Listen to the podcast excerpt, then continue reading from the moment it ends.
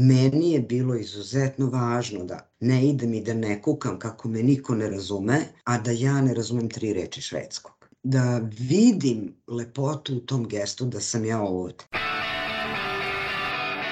Norvežani su prava stvar po meni. Oni su ko naši bosanci. Danci su više negde kao Srbi, a šveđani su više negde kao Hrvati.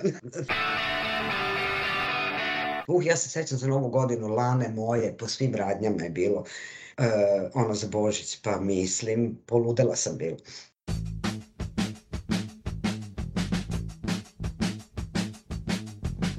Ovdje svako četiri godine se priča o ratu. Gore tih priča nema, gore se živi. To je propast za državu. Kao, kao kad ode jedinac sin od oca. Šteta je, pogotovo ovim naučnici, doktori, budući i tako dalje, sve ide vani. Normalno da recimo Hrvati ideju u Sloveniju, da Slovenci ide u Austriju. Misle da to nije dobro. Ja isto imam djecu. Nemam argumenta da im kažem da, da, da jednostavno žive, jer više i to i domoljublje i sve je to fraza. Puno više se radi nego u nas. Nemaš baš nekog vremena za odmor, ali isto tako taj rad dobro plaćen.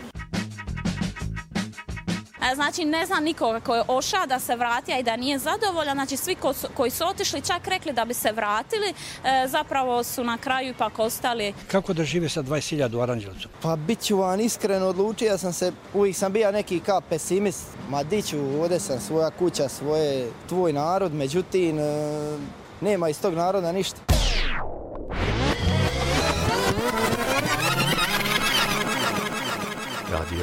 Karantin. Dobrodošli u novi Radio Karantin, ja sam Aleksandar Kocić. Ovaj serijal posvećen emigracijama iz bivše Jugoslavije počeli smo tražeći odgovor na pitanje zašto ljudi odlaze iz svoje zemlje. Dok statistike kažu da je najčešći razlog bolji standard, nekoliko naših gostiju reklo nam je da je njihov motiv bio gubitak nade u bolje sutra u svojoj zemlji. Svi oni žive u Nemačkoj, zemlji sa kojom nekako najčešće povezujemo emigracije sa Balkana. Njihova iskustva i utiske o Nemačkoj možete čuti u našim emisijama postavljenim tokom februara. Ovog meseca vodimo vas u Skandinaviju. Kroz seriju razgovora sa našim ljudima koji žive u skandinavskim zemljama tražit ćemo odgovor na pitanje kako se emigranti prilagođavaju novoj sredini i šta su njihovi najveći izazovi u tom procesu. A čućete i šta naši skandinavci kažu na temu ladno ali standard. Radio karantin. Kada pričamo o životnom iskustvu emigranata, onda možemo da izdvojimo nekoliko ključnih faza u tom iskustvu, od kojih je prva odluka o odlasku, najčešće na rad u inostranstvo, uz koju ide i preduzimanje koraka u tom pravcu. Zatim, po dolasku u novu zemlju, sledi niz akcija prilagođavanja životu u novoj stranoj sredini, pa dalje, kod nekih ljudi spoznaja da se privremeni boravak u inostranstvu pretvara u dugotrajni, dok kod nekih ljudi sledi odluka o povratku u domovinu. Jednom kada smo otišli iz svoje zemlje i stigli u novu, od emigranata postali smo imigranti. To je jedno sasvim novo i ni malo jednostavno stanje. Nama se pomeraju granice poznatog sveta i do tada bliskog kulturnog okruženja. Ulazimo u situaciju koju sociolozi migracija nazivaju kroz-kulturnom adaptacijom, suočavanjem sa novim vrednostima i motivacionim faktorima, samim tim i potrebom za samoodređenjem, bilo kroz očuvanje starog ili i stvaranje i prihvatanje novog kulturnog identiteta. Svima nama, koja je japanski naučnik Hiroko Nishida nazvao pridošlicama, a to su imigranti, izbeglice, diplomatsko osoblje, poslovni ljudi, studenti na studijama u inostranstvu i drugi, zajedničko je to da prolazimo kroz proces transformacije svoje dotadašnje kulturne šeme, usvajajući novu, adekvatnu stranoj kulturi u kojoj boravimo, postepeno povećavajući nivo svojih komunikativnih sposobnosti i broj primljenih navika, vrednosti i pogleda na svet, tipičnih za kulturu zemlje domaćina. Kod nekih ljudi možemo da govorimo o postojanju praktično dve paralelne kulturne šeme, jedne za domaću upotrebu i druge za potrebe snalaženja u novoj zemlji. Ukrštanje ovih kulturnih šema formira specifični kulturni identitet nas imigranata, koji ne proizvodi uvek zadovoljavajuće rezultate čega smo svesni i mi imigranti i oni oko nas.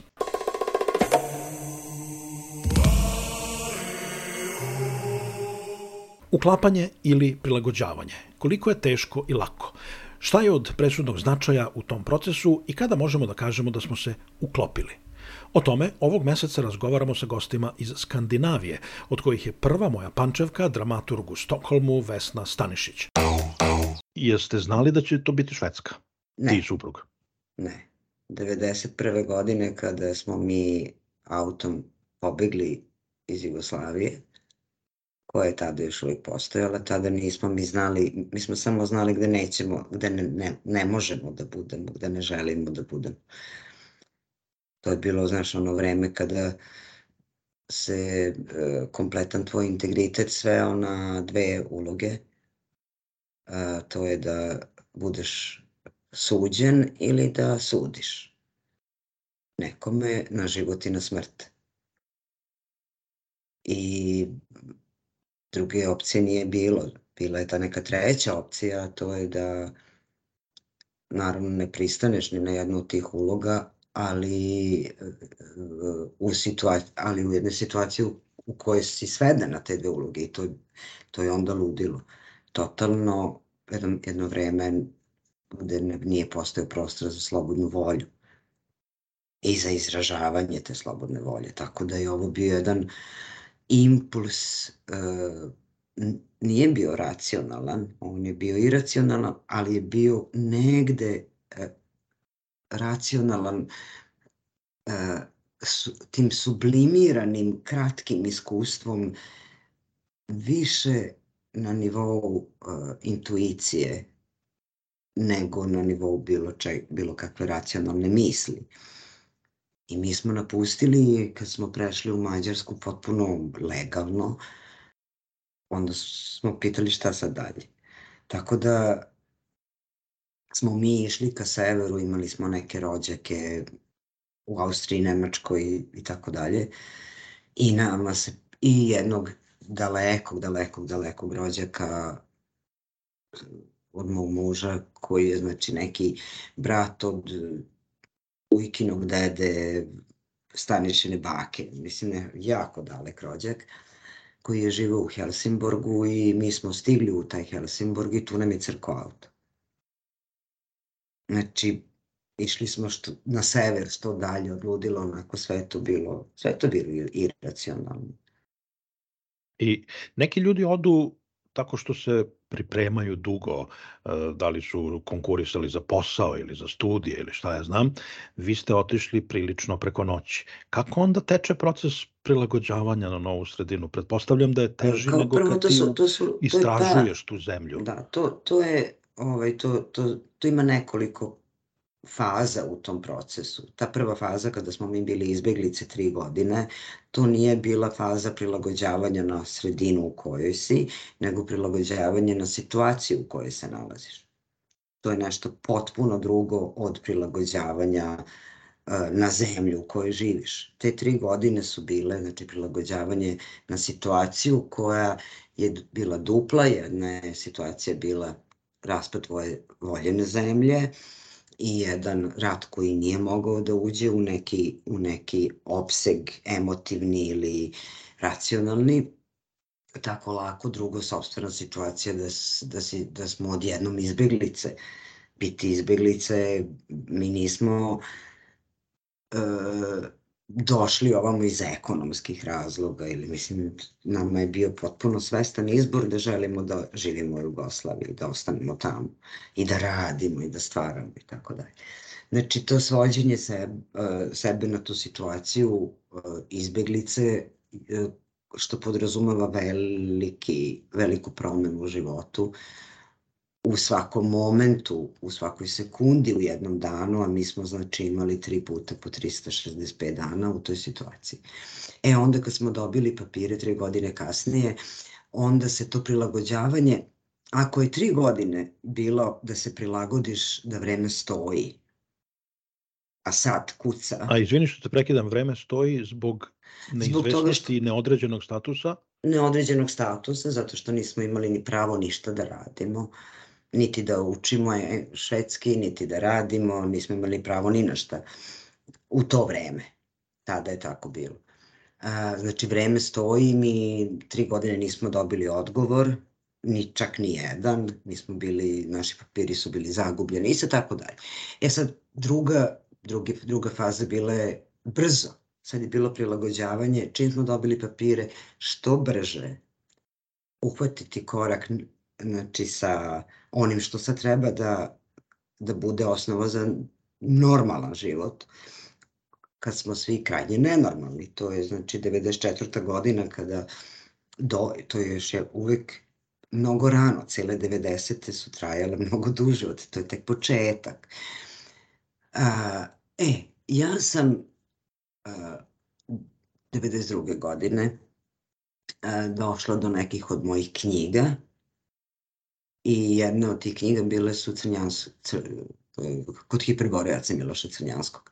I ja sam ih čitala uh, u kampu kao izbjeglica i ja sam prezirala te njegove uh, knjige. Mi, Crnjanski je pisao kod hiperborejaca u vreme, u počet, na početku drugog svjetskog rata kada je on radio kao ataše za kulturu u našoj ambasadi u Rimu.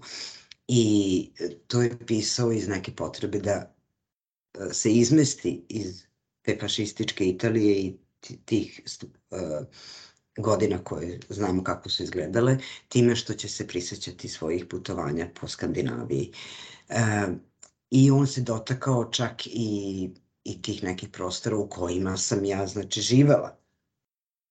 I ja zaista nisam mogla da delim tu njegovu ushićenost e, kako šveđanima, hiperborejcima.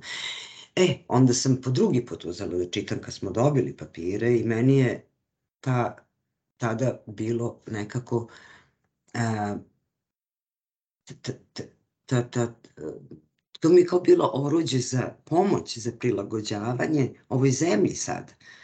Počela sam, ponovo sam čitala i počela da razumevam zašto on tako piše. A onda, krajem 90-ih, kada sam po treći put uzela hiperborejce da čitam, počela sam da uživam i da delim. Tako da, to Uh, ja sam imala svoj proces koji ja nazivam prilagođavanju nepoznatom.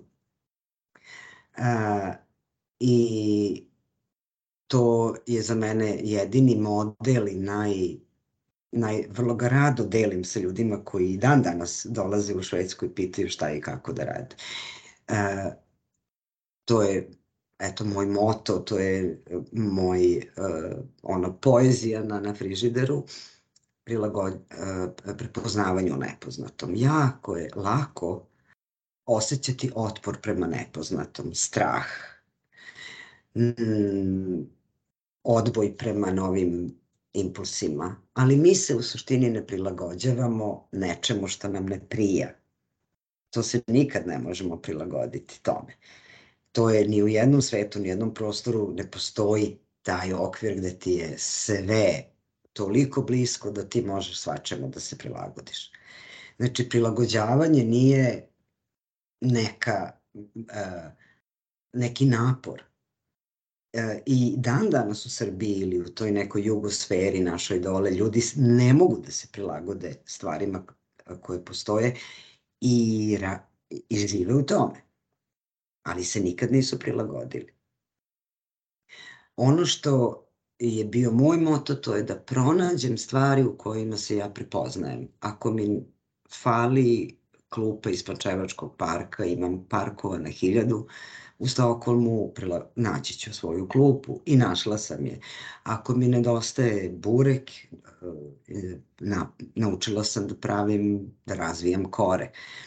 Eh, ako mi, ako mi eh, nedostaje naše more, evo ima mora 30.000 ostrava u Stokholmskom arhipelagu, negde i neki miris koji, znači da se prepoznam u nekim nepoznatim prostorima, jer u suštini e, to naše iskustvo koje nosimo sa sobom uvek negde može da se kači sa nekim novim.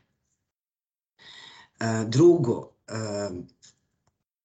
ne radi se o tome da li sam ja prihvatila Švedsku i Šveđane. Ne, e, da li su oni mene prihvatili, nego da li sam ja prihvatila njih. Za to ne treba ako, da bude dvosmeran proces. A, jeste, ali ako ti dođeš kod nekog u kuću, neko ti otvori vrat i ti počneš da mu stavljaš primetbe na način na koji je uredio stan, šta ti je ponudio za, za večeru, to je krajnje nepristojno. Meni je bilo izuzetno važno da, da ne idem i da ne kukam kako me niko ne razume, a da ja ne razumem tri reči švedskog. Da vidim lepotu u tom gestu da sam ja ovde. Znači da prvo ja prihvatim ovo što je, što je novi prostor oko mene. Iz čiste, kako da kažem, pristojnosti, nepristojno je, iz lepog vaspitanja. I to onda stvara dvosmernu reakciju. To onda toliko, šveđani su toliko ovaj, e, iritantno e, dugovečni prijatelji. E, mi koji se hvalimo da smo gostoprimljivi i tako dalje, smo mnogo kratkotrajniji prijatelji nego šveđani. Oni teže naprave taj prvi impuls, taj prvi korak, ali onda kad su ga napravili, onda su izuzetno dugotrajni i odani kao prijatelji. Ne zaboravljaju. Ne, zabro, ne zaboravljaju te. I e, naravno, najvažnije od svega je identitet. Identitet to je sačuvati sebe, ali u ono što čovek jeste. I onda sebe, sebe nadograđivati u tom novom prostoru. A šta je identitet nego jezik?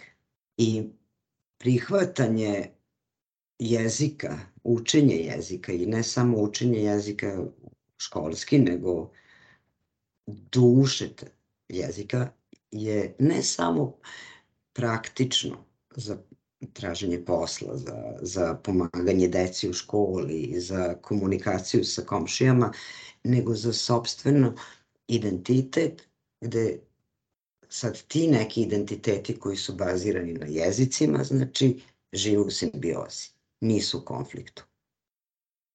Uvek se nekako vraćamo na jezik ili, ili uvek polazimo od jezika kada uvek. pričamo o prilagođavanju, je li tako? Tako je, e, e, to je, ali ne zato što je jezik sredstvo, za, ne samo zbog toga, nego zato što je to za čoveka samog, ako ti živiš u nekom prostoru, onda se mnogo bolje osjećaš. Onda se sam integrišeš u taj prostor time što, što osvojiš taj jezik, što ga osvajaš i dozvoliš da, da jezik osvaja tebe. To je neka vrsta uh, rada na samom sebi, za sobstveno dobro. A sve ostale praktične rezultati su vidljivi. Mislim, to je, znači, Dovoljno je to da ako ne želimo da se osjećamo kao građani drugog reda u tuđini, onda u jednom momentu ne treba da za najmanju sitnicu tražimo pomoć prevodioca. Onda smo, e, nismo samostalni. Koliko misliš da je za, za početak života u novoj sredini, za prilagođavanje, e, važno kakva je kultura u koju smo došli? Koliko, koliko je slično našoj? Da mislim da je to veoma, mislim da je veoma, veoma važno. Mislim da je presudno zaista, jer što je dalja kultura, što je neprepoznatljivija, sve je teže prepoznati se u nepoznato. I e, nama je mnogo lakše, mi smo ipak Evropa, mi govorimo taj neki indoevropskim je, tim nekim indoevropskim jezikom, mi smo školovani, u, pre, u proseku smo mi, imamo najmanje gimnaziju, a gimnazija podrazumeva učenje jezika, učenje sistema jezika, kako se uči i tako dalje. E, I hrišćani smo. Imamo tu neku tu zapadnoevropsku civilizaciju u sebi i stvari su nam prepoznatljive možemo da razgovaramo sa šveđanima, da pomenemo i Abu, i Ingmara Bergmana, i Gretu Garbo, i Pipi, Pipi Dugu Čarapu, bez problema. Uh, ja sam se 2015. godine takođe morala sam, nisam mogla drugačije, angažovala oko izbeglica iz silnog sveta koji su dolazili i naučila sam stvari od njih od tih dečaka koji su dolazili iz Afganistana, iz Afrike, Istočne Afrike. Jedan od tih je sad danas i naš sin. Usvojili smo, usvojili smo ga. A, ali sam se naučila da obrnem situaciju. Znači u situaciju u kojoj su se oni nalazili bi bila možda slična situacija da nas neko baci u kinu i od nas zahteva da što brže i što efektivnije naučimo kompletnu osnovnu školu kinesku na kineskom i da shvatimo njihovu kulturu. Znači, to je toliko daleko. To je novo pismo, novi jezici, novi načini razmišljanja, novi kodovi, nova ideologija, nova re... Znači, tako bi za nas bilo to kako je njima bilo kad su došli ovam. I naravno da je to presudno. Naravno da je to presudno i tu, to je izvor i mnogih konflikta i konflikata i problema integracije i a, rasizma i kriminala. Gde su šveđani slični nama? A, je u mnogo više sličnosti nego razlike. Mi smo dve male zemlje, malih jezika, otprilike sličnog broja stanovnika i njima je milion ljudi otišlo u pečalbu početkom 19. veka, ne 20. veka. Oni, to, to me zbunjuje. Šveđani, hi, hi, ono, 1910. oko milion. Bilo ih je 4 miliona, mili, milion ih je otišlo preko. Oni svoju, svoj kompleks male zemlje izražavaju kroz neku vrstu skromnosti, što vrlo pripada protestantizmu, gde je skromnost i skrušenost najveća vrlina, a mi to kroz uh, megalomaniju i, i ovaj, višak hormona, ali su u suštini uh, porivi identični. Velika razlika je u tome što Švedska nije bila u ratu 300 godina i to se osjeća na svakom koraku, na kasi, to se osjeća, gledaš decu kako se igraju. To je za nas neshvatljivo kako je, kako mo, je moguće živeti u jednoj zemlji koja 300 godina nije ratovala uopšte. I naravno da je to neki ideal svakoga i svake zemlje uh, utopijski. Nažalost se ta utopija švedska, švedska je od, od svoje E, mirodopnosti i kosmopolitizma napravila brend u svetu i urušava se taj brend, nažalost.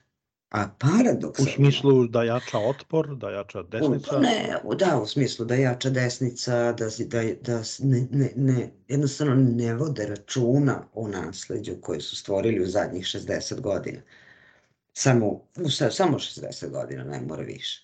A to je taj neki fantastična ta neka kombinacija liberalnog, da kažemo, kapitalizma i socijalizma, društveno, a su jake socijalno uređene države, visokih poreza gde čovjek želi da plaća porez. Ja sam jako srećna da, da, da plaćam taj porez, jer znam da taj porez ide uh, onima kojima treba, kao što je meni trebalo i što mi je izuzetno značilo da se ja tada osjećam kao ljudsko biće i da imam šanse, da ne moram, da me ni bil, ok, siromaštvo, ali me niko nije primoravao da pošto poto uzmem krpu i da perem podove, nego sam mogla da odem u školu da naučim švedski i da, i da vrlo brzo krenem da radim kao dramatur. E, što je, tek taj moment je onako bio izuzetno težak jer kao dramaturg ne možeš da radiš na engleskom, što 99% struka može da izvede, osim možda nastavnika, jel, prosvetnog kadra. Može, evo i ja sam radio u prosveti u Španiji na engleskom. Da, ali, na, na, eto i to sad, ali, ali kao dramaturg nema šanse, zaista nema šanse, ni, nikakva. I, i, I uspela sam, delom zato što ja sam imala tu neku svest, znanje, nešto, iako sam bila mlada, ali sam imala to znanje o tome šta i kako, o čemu se radi. Da se radi o tom nekom pomiri, identiteta kroz jezik. Znači, ispada paradoksalno, ali taj 300-godišnji mir i nesvest o tome šta treba čuvati se sada vraća šveđanima. To je paradoksalno, ispada da je to i, i njihova, i to ono što je negativno, a to je naivnost i nesvest. To neko za razliku od nas i to je nemu, neverovatno, ali šveđani su narod koji suludo veruje svojim političarima i svom sistemu. To je prosto tabu uh, postaviti pitanje ne verovati u, u svoje političare. Kad si već dotakla toga, moram te pitam i ovo, pa ćemo da se vratimo na prilagođavanje. Skandinavski model uređenja društva se obično navodi kao jedan superioran model i svi znamo, bar na jako površnom nivou, za te visoke poreze i izdašnu socijalnu državu. Zašto niko ne kopira to? Pa zato što niko ne želi, da, zato što su drugačiji politički sistemi. E, zato što e, postoji ta ideologija e, ja sam vredan onoliko koliko imam i ne želim da delim s drugima i to je, to je vrlo jednostavno. Ne želim da, da odvajam toliko mnogo poreza od moje plate. Hoću da ide meni u džep, a ne u neku zajedničku kasu. I to je jednostavno stvar ljudske prirode. Šveđani su uspeli to da, da sprovedu pre 60 godina ili čak i više, i to je urodilo velikim plodom. To je vodilo ovu državu ka neverovatnom usponu. Što, se što ne znači, izvini, da je švedska zemlja bez socijalnih razlika. Da, definitivno, definitivno, ali mora čovek veoma da se potrudi da ovde bude beskućnik. Naravno da postoje socijalne razlike, naravno da postoje klasne razlike, naravno da postoje uh, nepravedno bogati kao evo sad na primjer u ovoj energetskoj krizi gde, gde ti, privat, ti privatni privatne preduzeća koje distribuiraju struju su se obogatili, podelili bonuse svojim direktorima, to su, a ljudi plaćaju nenormalno visoke, visoke račune za struju. Naravno da svega toga, ovo nije perfektna država, ali početak, znači kada su krenuli da, kada je prvo krenulo da se, da se svi školuju, školovanje je besplatno i to nije samo prividno besplatno, nego je ja za, ja nikada nisam platila gumicu ili svesku ili knjigu za, za moje dete. Za, za bilo koga koje dete. Školovanje je potpuno besplatno, bez obzira da li ti dete ide u privatnu ili državnu školu. Znači, privatne škole su takođe besplatne država dotira privatne škole, nema nikakve razlike. U kvalitetu? A, pa da, po, po kvalitetu može da bude, može da bude razlike, da bi, to je sad ogromno jedno pitanje političko ovde, a to je što te privatne škole su jedine u svetu koji imaju pravo na dobit na kraju uh, godine i ta dobit se onda deli ulaže u potpuno neke druge stvari, a ne u decu. Tako da je to ogromna diskusija i zakon će sada da se menja. Ali dobro, to je, A, znači, sam, to je da jedno, obraz, samo da kažem, obrazovanje i ta neka razlika između sela i grada, urbane i ruralne sredine izbrisana.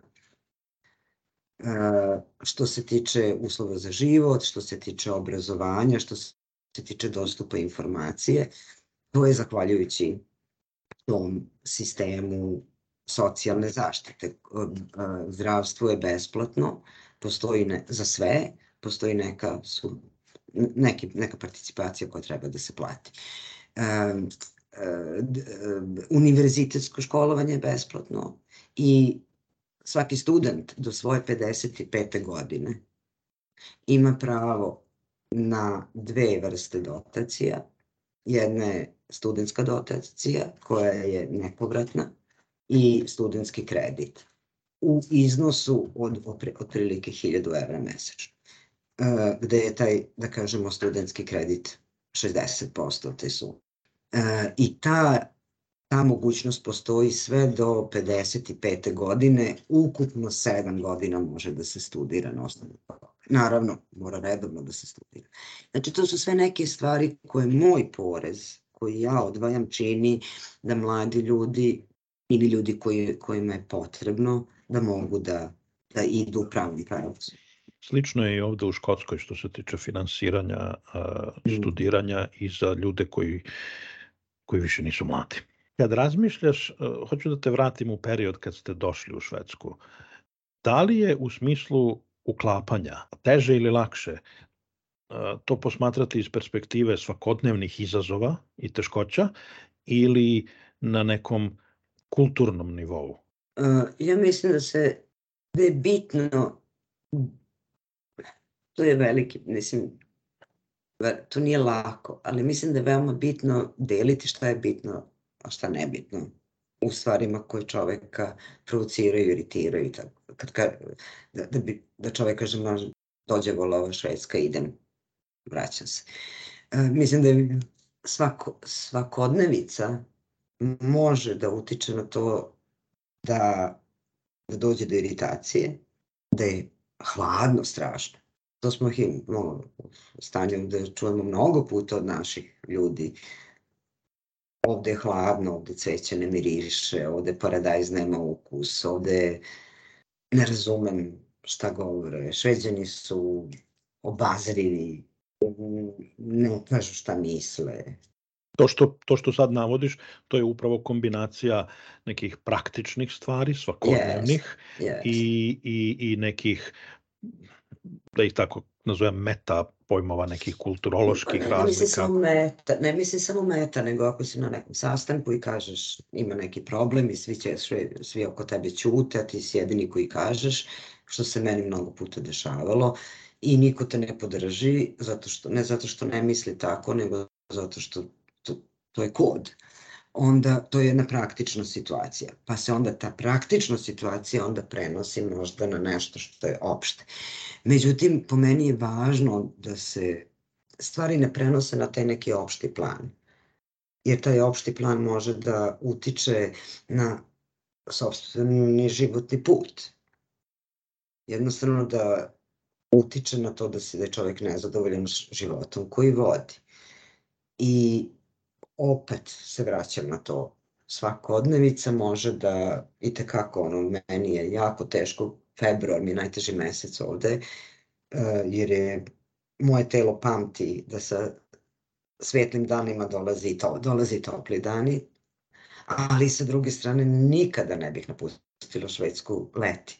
Jedno od najmagičnijih, jedno od najmagičnijih prostora da se leto provede. Ona dva dana? Da, pa otprilike, otprilike je 30, a sigurno jedno dva meseca dobrog, lepog vremena, između 25 i 30 stepeni. Ove, dobro, sad je ne, ja se to, promen... ja se to zezam da. iz naše škotske perspektive. Da, da. Ali sigurno je kao da se... A nije da baš bude... dva dana, naravno, bude da. više, da. ali je to onaj tipičan fazon, znaš, leto, to mi je omiljeni dan u godini. Da. Da. Tako da, što se, ja mislim da za, za nas koji dolazimo iz jugosfere, taj neki kulturološki moment, sve zavisi šta si, u čemu si živao pre toga. Ako, ako mi dolazimo iz nekih urbanih prostora, nije nam, manji nam je sukob, manji, manji konflikt sa, sa, sa prost, tim nekim kulturološkim prostorom ovde. Ako dolazimo iz ruralnih prostora, malo je veći.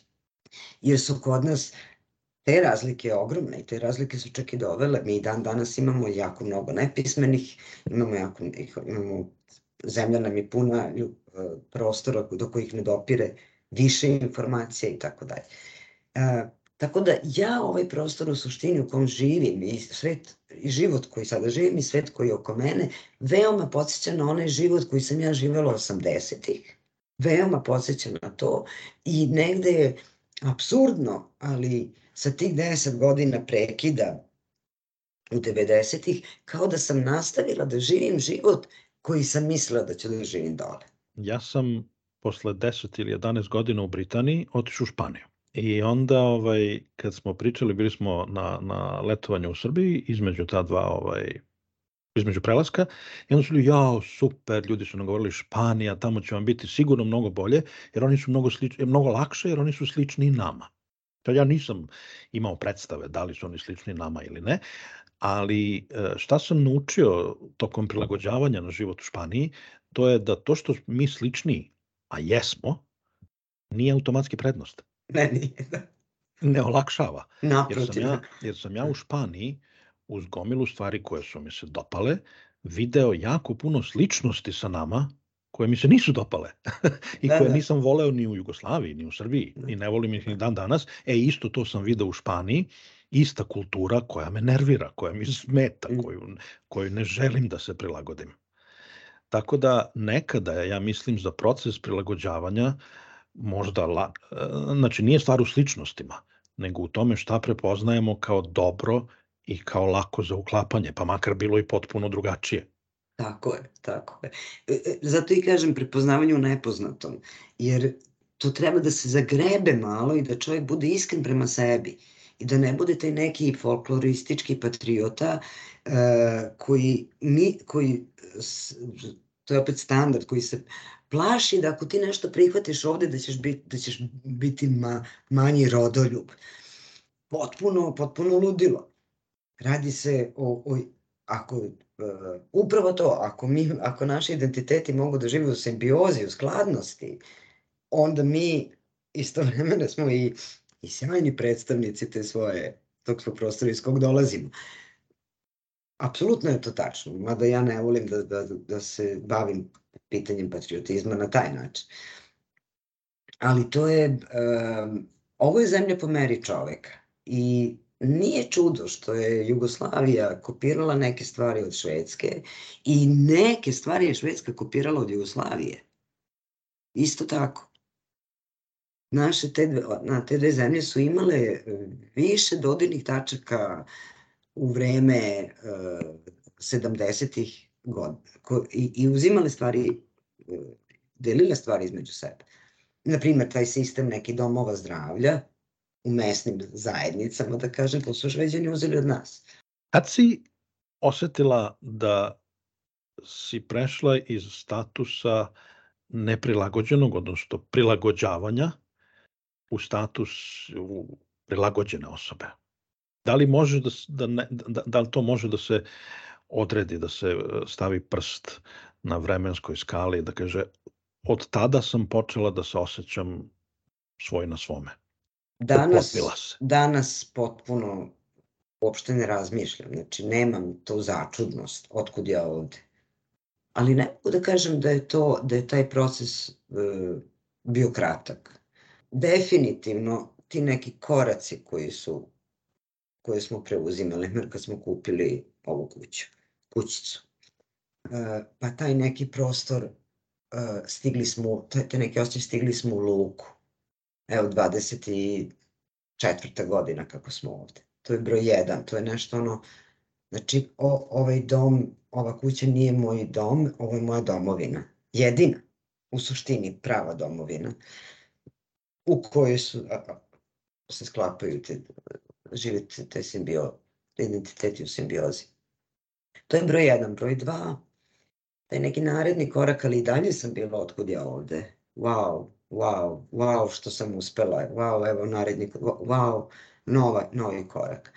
Uh, u tom procesu bilo je to neko moje povezivanje ove dve zemlje, jer sam ja povezivala sticam okolnosti, bila sam u toj situaciji i onda sam povezivala ove naše dve zemlje na S, uh, kulturološki, odnosno pozorišno, i taj, to je jedno deset godina trajalo ta, ta intenzivna saradnja koju sam ja inicirala i, i, i održavala i vodila i, izme, i, i na kraju je ona čak postala bilateralna. Pa su se u stvari kroz moju profesiju tu negde počelo da se stvara taj jedan prostor. Ne dve zemlje, nego u, moj, u mom nekom osjećaju su ta, ta, je to postao jedan prostor neki. A, ali da sam ja definitivno onako prestala da razmišljam o sebi kao nekom, e sad moram još nešto da uradim, to je, ja mislim, došlo kroz košarku, kroz taj moj neki hobi, vrlo neočekivano. Kad sam predno 15 godina počela da ho, potpuno volonterski radim kao volonterski ili profesionalno kao košarkaški trener.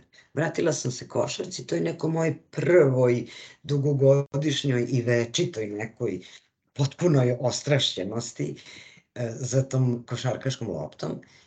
I taj, mislim da ta kockica, znači krajnje neočekivano, krajnje neplanirano, krajnje nestrateški je učinilo da, s, evo ja sam i dan danas u toj košarci, da sam ja U potpuno, kom, znači, u kom obliku? U kojoj funkciji? trener košarkaški, Mhm. momci U21. Išla i završila sam te neke trenerske škole i šta ja znam. I, I to je besplatno se radi i tako. Taj naš klub, ja živim u Tebi, u Tebi je sever, jedna opština u severnom delu Stokholma i taj Tebi basket klub e, ima ima hiljadu i nešto članova, znači nije mali i stari klub. I ja sam tu isto organizovala 2015. godine u roku od nedelju dana sam stvorila taj klub za izbeglice koji su došle, koji se zvao i zove Inter i to je posebna priča, to je posebna linija, ali nekako ta, taj moment, znači od pre 2015, od pre 8 godina, kada sam ja aktivno i izuzetno aktivno inicirala neke stvari koje su čisto švedske bile, znači švedski klub šve, i, i za pomoć nekom drugom. I ja više nisam bila neka Vesna iz Srbije ili ne, ja sam jednostavno bila jedna osoba koja radi identično kao i mnoge druge osobe, nastavnici, profesori u školama, nevezano da li su šveđani ili ne. I onda je to vodilo ka nekim silnim nagradama, baš velike nagrade sam dobila od Košarkaškog saveza Švedske i a, novčane nagrade koje, koje, koje su onda učinile da taj tim može da egzistira. Oni su sad sami sebi dovoljni, ne treba im ja kao vođa neki, kao mama, što je bio i moj cilj. Ali je taj možda moment, znači krajnje ne, ne- potpuno iz desete neke priče, ovaj, učinio da sam se ja potpuno negde, prestala sam da razmišljam da li sam ja i šta sam i kako sam, nego jedna, jedna od ovih 10 miliona od. I hoću pred kraj da te pitam, da prođem sa tobom kroz par stereotipa naših o Švedskoj, ili ne samo naših, pa mi ti reci šta je od toga tačno, šta nije. E, ladno, ali standard? Tačno. Dobro. Moram da, moram da proširim priču. Švedska je jedna banana. Ona je jedna ogromna zemlja koja je četiri puta veća od bivše Jugoslavije, u kojoj živi otprilike 10,5 miliona stanovnika. Tih i po živi u dve trećine Švedske, koje je e, od Stokholma pa na sever. Ostalih 10 miliona živi od Stokholma pa do Malmea, a između Stokholma i Malmea je 700 km. Tako da... To ti e, otprilike kao Škotska, ovde samo, na, samo što je Škotska nekako umanjena, E, ovaj, ali otprilike je tako i ovde. tako da ta hladnoća i te neke, jao, šest meseci nema, nema svetlosti, to je tamo gore na sever. To je, e, To nas ne kači. to ne kači u suštini, tako da, da nije baš tako. Nije baš tako. Moj e, dobar prijatelj šveđanin, kaže, on je otišao iz Švedske odavno i kaže, ne volim ja Švedsku, mi šveđani smo mnogo ovaj, e, hladni i nadrndani, danci su prava stvar. Oni su mnogo U, veći Norvežani zajebanti. Norvežani su prava stvar po meni. Oni su ko naši bosanci. E, danci, su, danci su više negde kao Srbi, a šveđani su više negde kao Hrvati. Onako ima neki... Šveđani su... Finci, naravno, ljudi ne računaju u, u, U Skandinavce. u Skandinavce, pa to je ono potpuno drugi jezik sve i tako. Uglavnom, ja mislim da Šveđani imaju identične predrasude o sebi kao što drugi narodi imaju o njima. Znači, radi se o identičnom pre- predrasudi, a to je da su šveđani hladni i distancirani. Ja to tumačim na drugi način.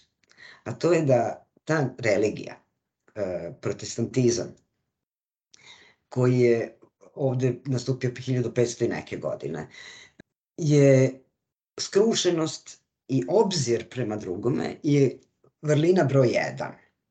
To je znači broj jedan. I negde taj kod u ponašanju, negde taj kod ili taj zakon ili ta, taj, taj, ovaj, ta tačka u, u, u, u, na, na, na tom spisku najvećih vrlina je postala kod ponašanja. I na dobro i na zlo. Šveđani po meni ta njihova distanciranost je u stvari taj prostor koji oni ostavljaju za opipavanje tvog pulsa. Da li si ti u ovom momentu srećan ili nesrećan? Šta ti odgovara? Da li, ako sam ja sad jako ne, nesrećan, a ti si jako srećan, da li ja ugrožavam tvoj emotivni prostor? I tu je taj neki obzir, u stvari, taj neki luteranski obzir, u stvari, kod ponašanja. Jer pet minuta nakon nakon druženja šveđane te grle, ljube, ne, ne mogu da stanu. E, šveđani se ne rukuju, oni se grle posle pet minuta. Što je vrlo simptomatično i govori o, tom, o toj njihovoj potrebi da, da, da se pređe ta granica obzira. Ja sam veliki fan one serije Most. Aha. Gledao sam dva puta i posle tek ovaj, pročitam da nije slučajno, si gledala?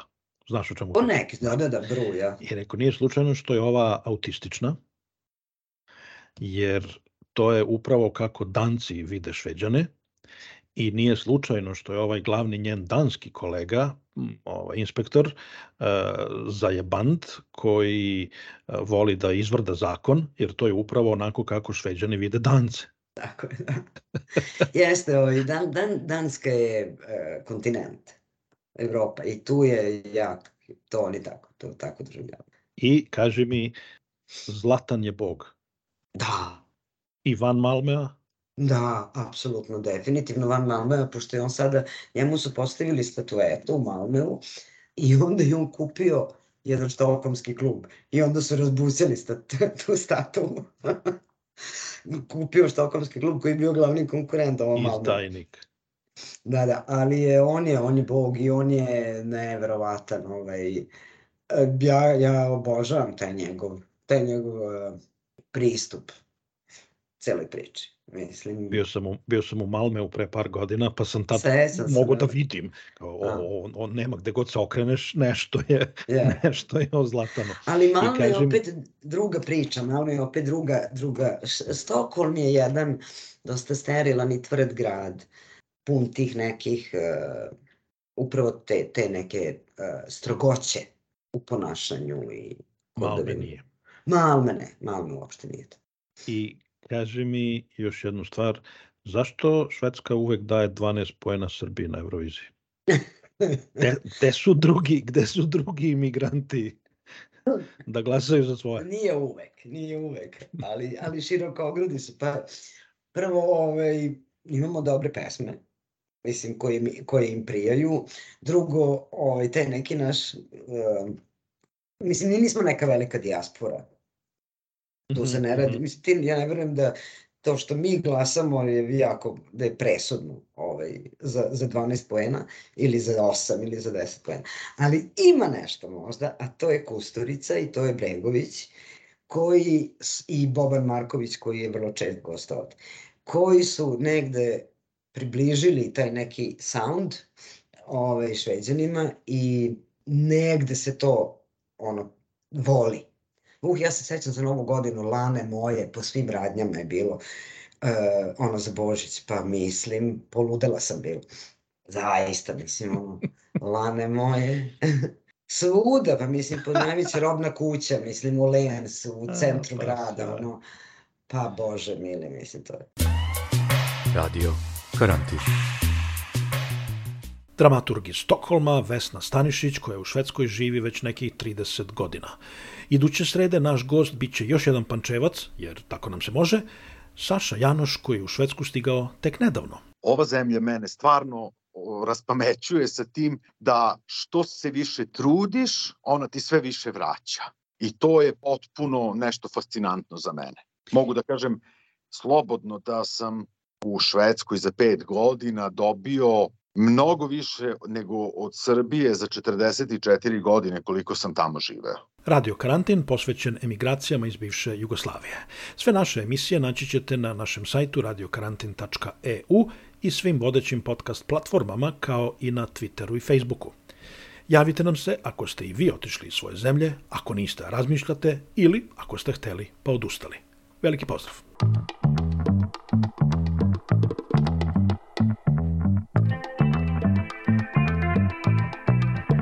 Radio Karantin.